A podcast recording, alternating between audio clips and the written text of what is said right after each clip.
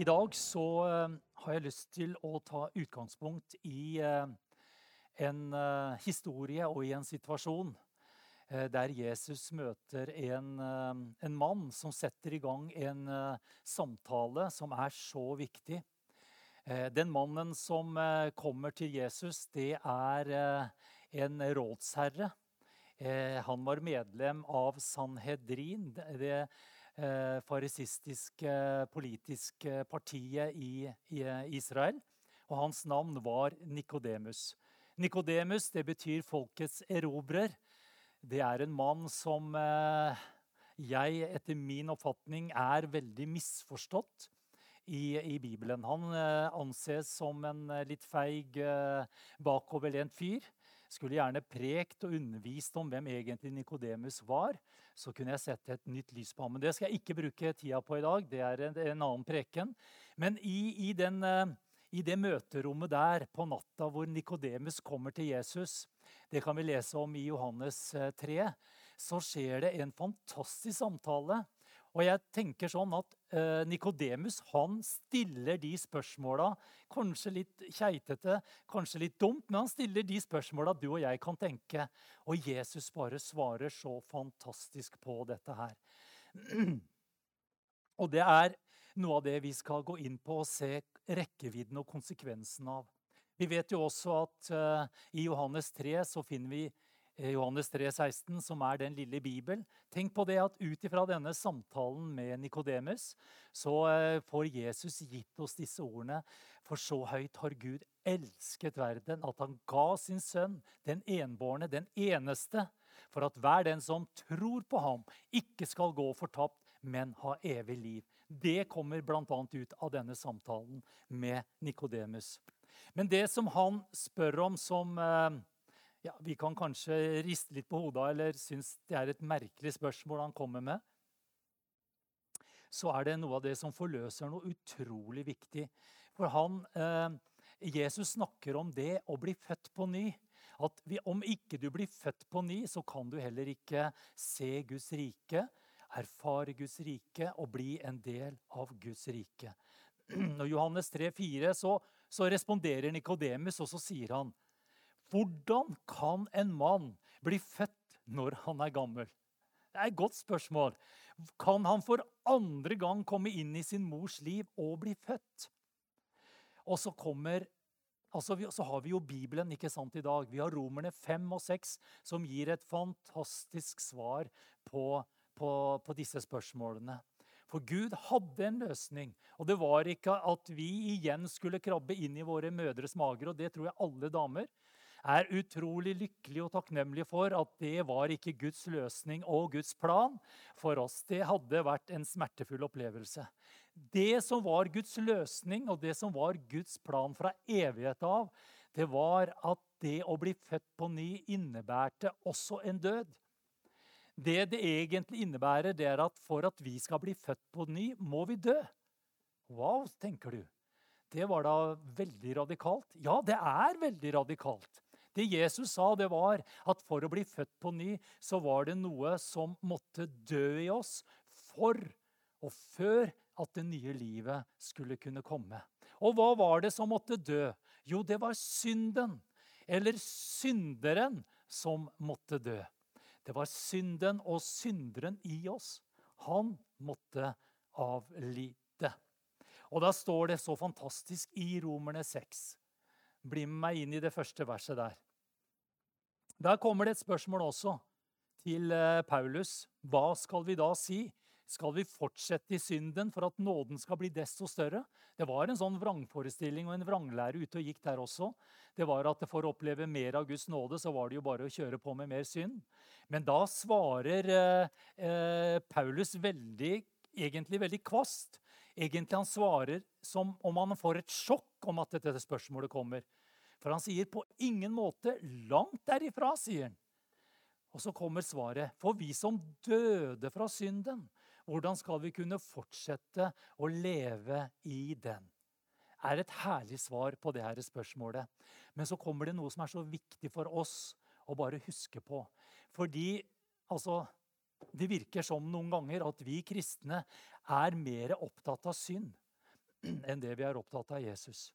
Vi er mer opptatt av det gale som blir gjort, enn av det rettferdige som Jesus har gjort for oss.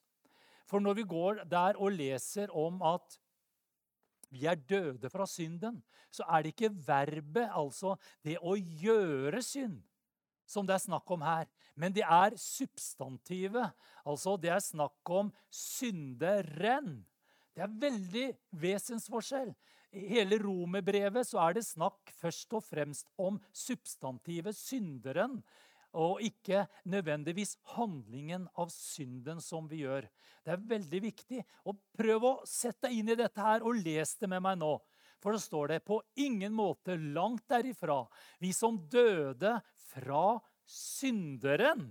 Hvordan kan vi fortsatt leve i den, eller leve som en synder? Du skjønner, Det som skjedde når vi tok imot Jesus Kristus, så døde synderen i deg og meg. Og når synderen er død, så er det umulig å leve som en synder. Ja, ja, men du sier ja, men jeg gjør jo synd. Ja, men du lever ikke som personen synderen. Hvis du kan kalle et navn på synderen, da, kall han Jakob. Jakob er død, så du er ikke lenger Jakob. Du har fått et nytt navn, og det er navnet rettferdiggjort. Så ja, vi trenger uh, sinnets fornyelse. Vi lever her i denne verden som er både ond, og den frister oss i vårt kjøtt og i våre tanker. Og Derfor trenger vi å bli fylt med Guds ånd og Guds ord. Men synderen er død, og din ånd er fullkommen. Derfor så blir jo denne synsbekjennelsen som eh, Kirken har eh, Nå er det bare én av flere synsbekjennelser, og bra er det.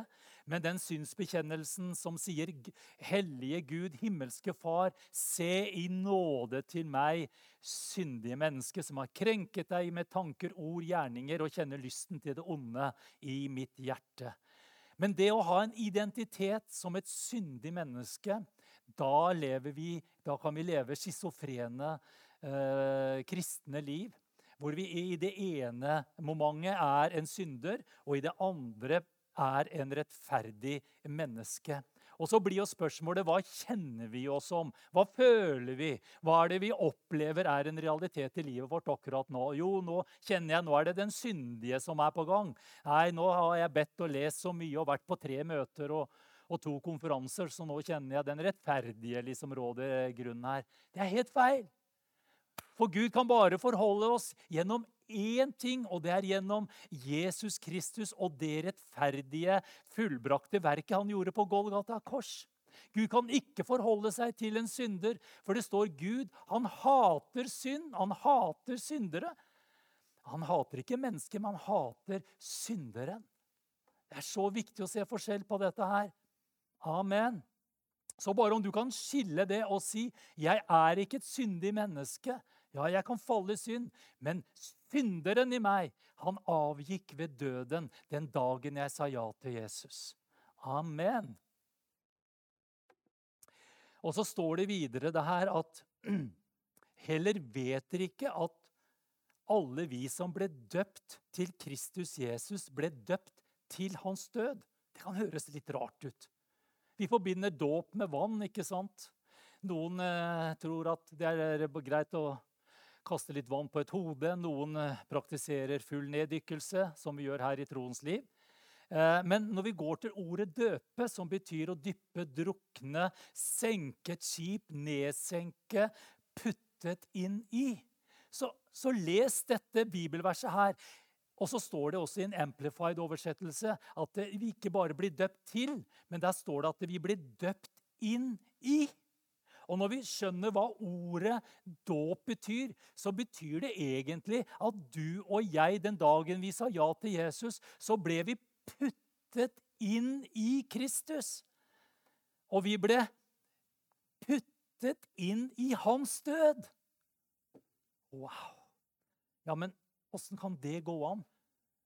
Det som er så flott, og, og, og som er så godt å vite, det er at Jesus gjorde alt dette en gang for alle evigheter for over 2000 år siden. Da døde Jesus for alle mennesker en gang for alle. Da døde Jesus for meg enda jeg ikke var født. Og han gikk hele veien for og med menneskene. Helt fra korset og helt til den dagen han reiste opp til himmelen. Så alt det der, der har Jesus gjort ferdig for deg og meg. Og Derfor så kan jeg stå her og si at den dagen Jesus døde på korset, så døde jeg også med ham. Ja, Men Runar, du var ikke født. Du hadde ikke enda sagt ja til Jesus. Nei, men Jesus gjorde det ferdig. Det er det som er et mirakel. Det var ferdig, fullkomment, fullbrakt gjort allerede lenge før jeg ble født. Så der døde jeg med Jesus. Men for at det, at både den døden som jeg ble puttet inn i, og den oppstandelsen jeg ble reist opp med, for at det skulle bli en virkelighet i mitt liv, og om det skal bli en virkelighet i ditt liv, så skjer miraklet i det momentet du tar imot Jesus og sier ja. Så går du inn i noe som Jesus allerede gjorde ferdig for over 2000 år siden. Det er derfor vi kan si til alle mennesker 'kom som du er'. Uansett hvor mye elendighet du har gjort. Fordi at det som skjer idet du sier ja til Jesus, så dør det noe inni deg. Da dør synderen, det gamle mennesket, den derre syndenaturen din som kom helt tilbake fra den gamle Adam. Det kuttes over i et sekund. Og så så dør dette her. Og du, du, du, har allerede vært puttet inn i Kristus, i hans død. Og så blir du igjen reist opp med den samme kraft som reiste Jesus opp fra de døde. Det er så sterkt, skjønner du. Det er det som skjer i frelsen. Det er et totalt skille med det gamle og det nye. Halleluja. Og så står det for hvis vi blir forent, gjort ett med ham i likhet med hans død, var det som jeg sier, da skal vi også bli det med den oppstandelsen. Ja, vi skal bli gjort ett med Jesu Kristi oppstandelse. Og for at vi skal kunne bli ett med det, så må vi også dø med Jesus. For at dette nye livet skal komme. Vi vet at vårt gamle menneske ble korsfestet med ham. Altså den gamle syndenaturen, det gamle mennesket, den gamle Adam. Tenk på det. Før jeg i det hele tatt valgte å følge ham, så tok Jesus oppgjøret for meg. Åh, han bare tenkte den dagen det kommer, og, han, og om du og jeg ønsker å tilhøre Jesus, så må ikke Jesus kaste seg rundt for å gjøre det. Oi, nå må jeg forte meg å gjøre det. Så han blir med. Da kan Jesus bare vise til det er allerede gjort. Det er allerede ferdig. Og så står det for at syndelegemet skulle bli fratatt sin makt. Altså Det betyr å bli tilintetgjort. Altså, det gamle skulle bli tilintetgjort, satt ut av kraft og gjort totalt uvirksom. Har ingen lenger livets rett. Også hvorfor det? For vi ikke lenger skulle være slaver under synden. Tenk på det. Vi blir satt i frihet fra å være slaver. Vi går fra å være slaver, vi går fra å tilhøre djevelen, vi går fra å, å, gå med en fallen natur til å komme inn og bli Guds sønner og Guds døtre. Ja, det, det er helt fantastisk. Og så kommer det 'for den som er død', er rettferdiggjort fra hva da? Fra synden. Men vi kan også si er rettferdiggjort fra synderen. Å, det er så mange kristne som lenker seg opp og linker seg opp til det gamle livet, til det man har gjort, og alt det gærne som har skjedd tidligere i livet. Men du skal bare anse deg som død fra det. Du er rettferdiggjort fra denne synderen. Han har ingen rett og krav på deg lenger. Han har avgått ved døden. Og så står det i Romerne 6,11.: Slik skal også dere regne jeg er ikke så god og, og, veldig glad i matematikk, men dette er et, uh, dette er et uttrykk fra, fra, fra, regnskapsbøkene. Og vet du hva? Det å regne betyr å sette på en annen konto. Amen. Så vi skal sette det på en annen konto, og vi skal bare regne det at Altså, den, altså regne meg som død for synden, for det har Jesus satt på sin konto. Han har flytta gjelds Altså, krediten av det jeg var skyldig, det er flytta over på Jesu konto. Og han betalte hele, alt det som jeg hadde på min konto. Det betalte Jesus. Halleluja.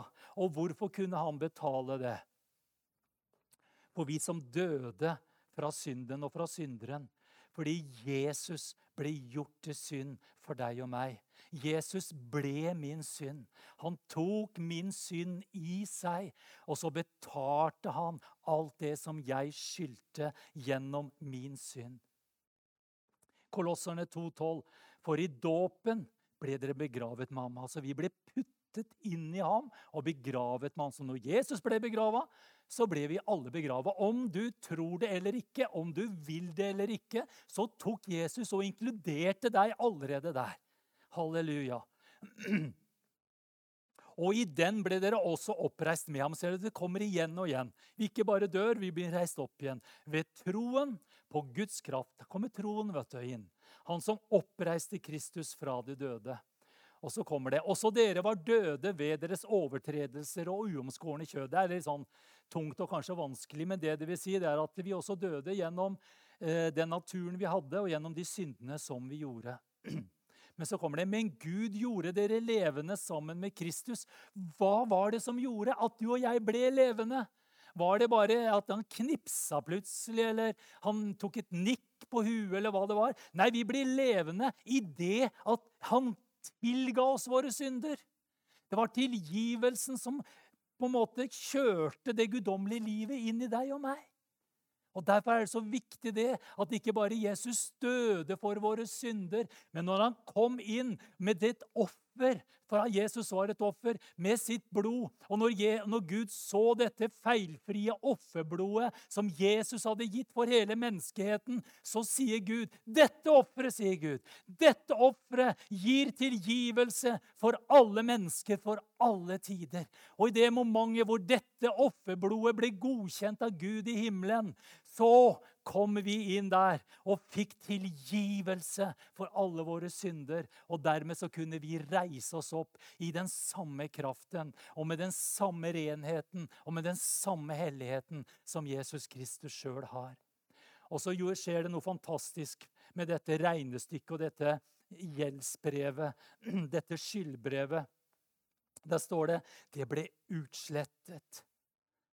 Et skyldbrev eller et gjeldsbrev det er der hvor du og jeg bekrefter gjelden vår, og hvor vi forplikter oss til å tilbakebetale til kreditoren.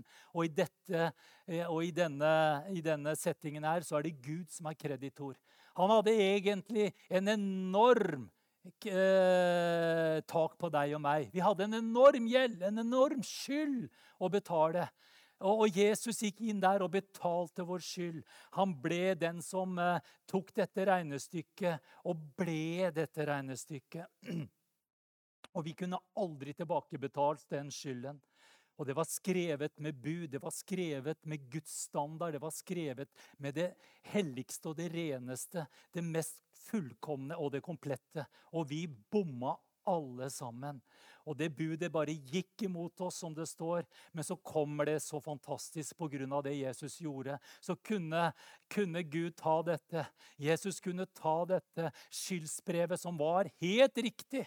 Det var ikke feil, det var, det var, helt riktig. Men han kunne ta det og bare smelle det og nagle det fast på korset en gang for alle. Og han bare annullerte det og sa det. 'Jeg har betalt. Jeg har betalt alt sammen.' Og det står i Kolosserne 3.3.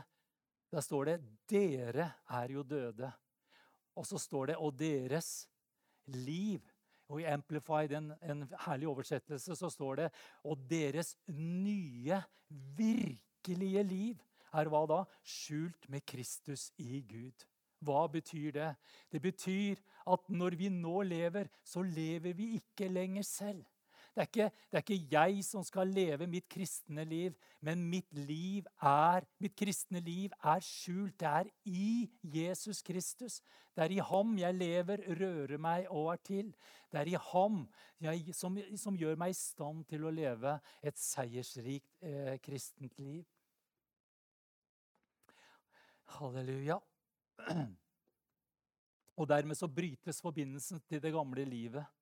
Du har ikke noe gammelt å vende tilbake til. Den veien er stengt. Det er bare djevelen som forsøker å lure deg til å si nei da, det er masse, masse små stier tilbake til dette gamle. Og du er egentlig ikke fri, og Gud har egentlig imot deg.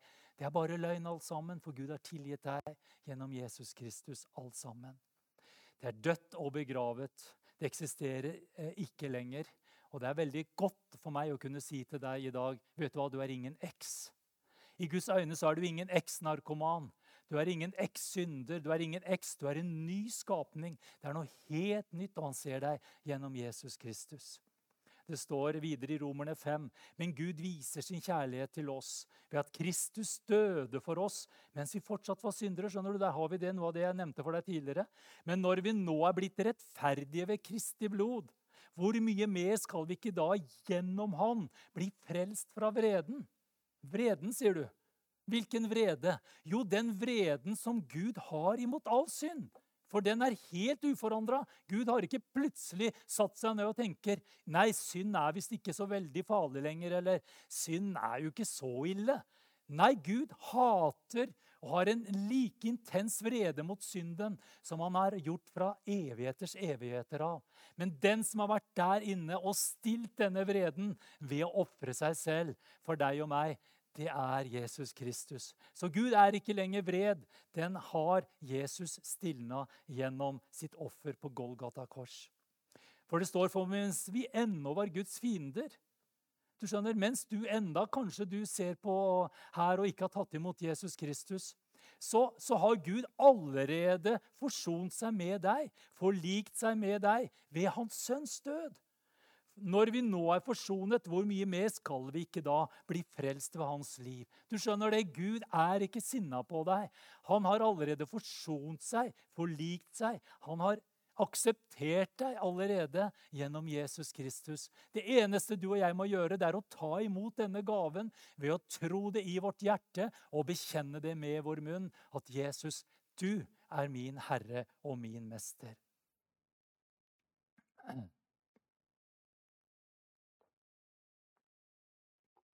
Og det er så fantastisk. Når vi ble reist opp i dette nye livet, så var det Jesu liv som vi fikk lov til å bli reist opp med. Det er Jesus sitt liv vi nå skal få lov til å leve. Og det står i Galaterne 2,20. Jeg er blitt korsfestet med Kristus, står det.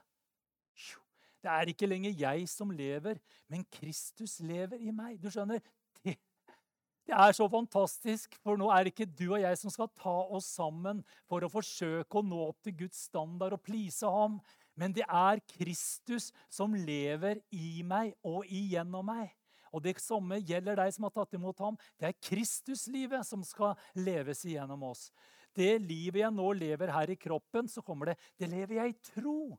Du skjønner, det er, Troen er så viktig. For det er troen som forløser miraklet. At du er så overbevist om at det livet du nå lever, det er ikke egenprodusert. Du har ikke fått noe fortjeneste av det. Du får ikke liksom A, B, C-kristne. Det fins bare én type, og det er de som er Kristus lik. Og det kan vi få lov til å skje gjennom tro. Halleluja. Han som elsket meg og ga seg selv for meg. Du skjønner, Gud, Gud sendte Jesus som den største kjærlighetserklæring til menneskeheten. Det er Guds største kjærlighetserklæring. Og vi må ikke, vi må ikke holde på å prøve å Hva skal jeg si eh, Ta oss sammen for å gjøre ting i tro. For tro er ikke noe vi gjør for å få en respons fra Gud. Gud, nå forsøker jeg å gå på vannet. Se på meg, Gud. Nei, det er ikke sånn det funker. Gud, nå må du respondere. Nå, nå, nå, kjenner jeg at jeg tror. Nei, vet du hva? Tro er noe så enkelt som at vi gir en respons, en tilbakemelding eh, på det Gud allerede har gjort i sin nåde for oss. Vi responderer fordi vi ser ja, men Gud, du har jo gjort det allerede. Det er jo mitt allerede. Det er jo noe som er gitt meg. Og så kan vi få lov til å handle på det. Det er noe helt annet. Vi tvinger ikke Gud gjennom å prøve å manipulere og si 'jeg tror, jeg tror, jeg tror', for Gud ser igjennom. og vet du, Det er hjertets tro. Det er den enkle troen som gjør at vi ser noe som vi kjenner 'det er mitt'. Det er noe som Gud har gitt meg. Og Når vi lever i tro, så lever vi Kristuslivet, og vi er Kristus lik. I Efeserne 2,1 så står det også dere gjorde han levende dere som var døde i deres overtredelser og misgjerninger og synder. Og så står det videre der i kapittel 4, vers nei, kapittel 2, vers 4. Men Gud er rik på miskunn og barmhjertighet fordi han elsket oss med en så stor kjærlighet. Så gjorde han oss levende sammen med Kristus. Jeg Bare, altså, du kan si det er ikke smør på flesk, altså, men jeg, bare, jeg legger lag på lag, for Bibelen sier så veldig mye av det samme. Så Gud altså, Når du ser at Bibelen, altså Skrift bekrefter Skrift, så er det noe viktig Gud skal si. skjønner du. Han kunne bare sagt det en gang i Romerne, men det kommer igjen i Efeserne, i Galaterne. Ja, Gud sier det igjen og igjen, for han sier 'dette må du få inn', Runar. Dette må du få inn. Han gjorde oss levende sammen med Kristus, vi som var døde pga. våre misgjerninger, overtredelser og synder. Av nåde er dere frelst. Og så står det i Kristus Jesus har han reist oss opp fra døden sammen med ham. Og så er det ikke bare det. Vi lever jo her på jorda, men samtidig så er vi satt i himmelen sammen med ham, med Jesus Kristus. Det er noen dimensjoner her som er helt enorme. Samtidig som jeg lever her, Kristus i meg, og jeg er skjult i ham, så er jeg samtidig satt i himmelen med ham. For jeg er, om jeg er ett med Jesus, vet du, og Jesus er i himmelen, så må jo jeg også være der. Ikke sant? Vi er blitt ett. Det er helt fantastisk. Han bor i meg her ved troen, i mitt hjerte. Og samtidig er jeg ett med ham der i himmelen. Det er bare helt fantastisk. Ja, det er, det er mer enn fantastisk. Hvordan kan, kan du tro på det? Det er akkurat det jeg gjør. Jeg tror. Det er jo troen som forløser kraften i det budskapet her. Og Gud gjorde oss til et nytt menneske. Det er jo det kjente verset. Jeg elsker jo det. Det er så viktig at vi har en rett identitet i dag. Det er en fight på identiteten. Det er fight på hvem du er. Mange forsøker, mange røster forsøker å fortelle deg hvem du er. Men her kommer svaret som Gud ønsker at du og jeg skal ha vår identitet i. og Det er 2. Korinterne 5, 17. Derfor, om noen er i Kristus, da er han hva da? En ny skapning.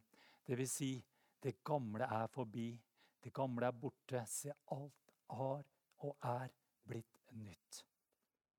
Om, bare, om, den lille polletten kunne ramle ned i oss, og at vi kunne ha den identiteten når alle følelser, omstendigheter, opplevelser, alt det, det som livet har å by på, når det møter oss, så har vi det blikket. Av alle ting er jeg først og fremst en ny skapning i Jesus Kristus. Vi er blitt Kristuser. Alt det som Jesus er, det er vi også. Fordi vi er i ham. Vi er rettferdige som ham. Vi er hellige som ham. Så er spørsmålet finner Gud synd i Jesus. Mm, nope. Når vi er skjult i ham, så finner heller ikke Gud noen synd i oss. Hvilken byttehandel! Han tok vår elendighet og gav oss sin herlighet. Han gjorde oss til et nytt folk. Han gjorde oss til en ny slekt. Og det er det jeg skal avslutte med nå. I 1. Peter 2, 9 og 10 så står det Men dere, altså vi som har tatt imot Jesus Kristus, vi er en utvalgt slekt. Vi er et kongelig presteskap. Vi er et hellig folk. Vi er et eiendomsfolk som Gud har vunnet. Han har jo vunnet oss. Han har betalt prisen for at dere skal forkynne hans underfulle storverk, han som kalte dere ut ifra mørket og inn i sitt underfulle lys. Dere som før ikke var et folk, vi er nå Guds folk. Dere som før ikke fant barmhjertighet, har funnet barmhjertighet. For Gud, han er en god og barmhjertig Gud. Vet du hva? Det som vi har fått lov til å komme inn i, den døden som har fått lov til å gå over våre liv, og det nye livet som har kommet inn i oss, og som har blitt født der ved Den hellige ånd, det er ikke et verk av gode gjerninger eller fortjeneste, men det er et kjærlighetens gave og et barmhjertighetens verk ifra himmelen. Det er et nådefullt verk som vi får lov til ved enkelt bare å tro kan ta det imot. Om du ser på her i dag, eller i kveld, eller når du eventuelt gjør det, så husk det at Jesus, det han gjorde for deg, det er allerede ferdig. Det er bare for deg den dagen å ta det imot og bare si, 'Jesus, jeg tror at du døde for meg, at jeg døde bort ifra det som var dårlig i mitt liv. Og jeg tror at du sto opp for meg. Og jeg tror at når, jeg, når du sto opp, så sto jeg også opp med deg. Og jeg ble rettferdiggjort og erklært hellig og ren og fikk rett posisjon og rett stilling med Gud. Hvilken gave, hvilket evangelie, hvilket budskap vi har, dere. Dette er det sanne evangeliet. Dette er det evangeliet som frigjør, og som en hel verden trenger å høre. Og som du og jeg trenger å være veldig frimodige med. Det beste er at de gode nyhetene de gjelder fortsatt i dag. Og de gjelder fortsatt fram til den dagen Jesus kommer tilbake. Eller den dagen du lukker dine øyne for den aller, aller siste gang. Må du slå de opp i himmelen og møte Jesus ansikt til ansikt. Det er Guds plan fra evighet av. Fordi du er skapt i Guds bilde, og han elsker deg, og han har en god plan, og han har en god framtid for deg. I Jesu navn.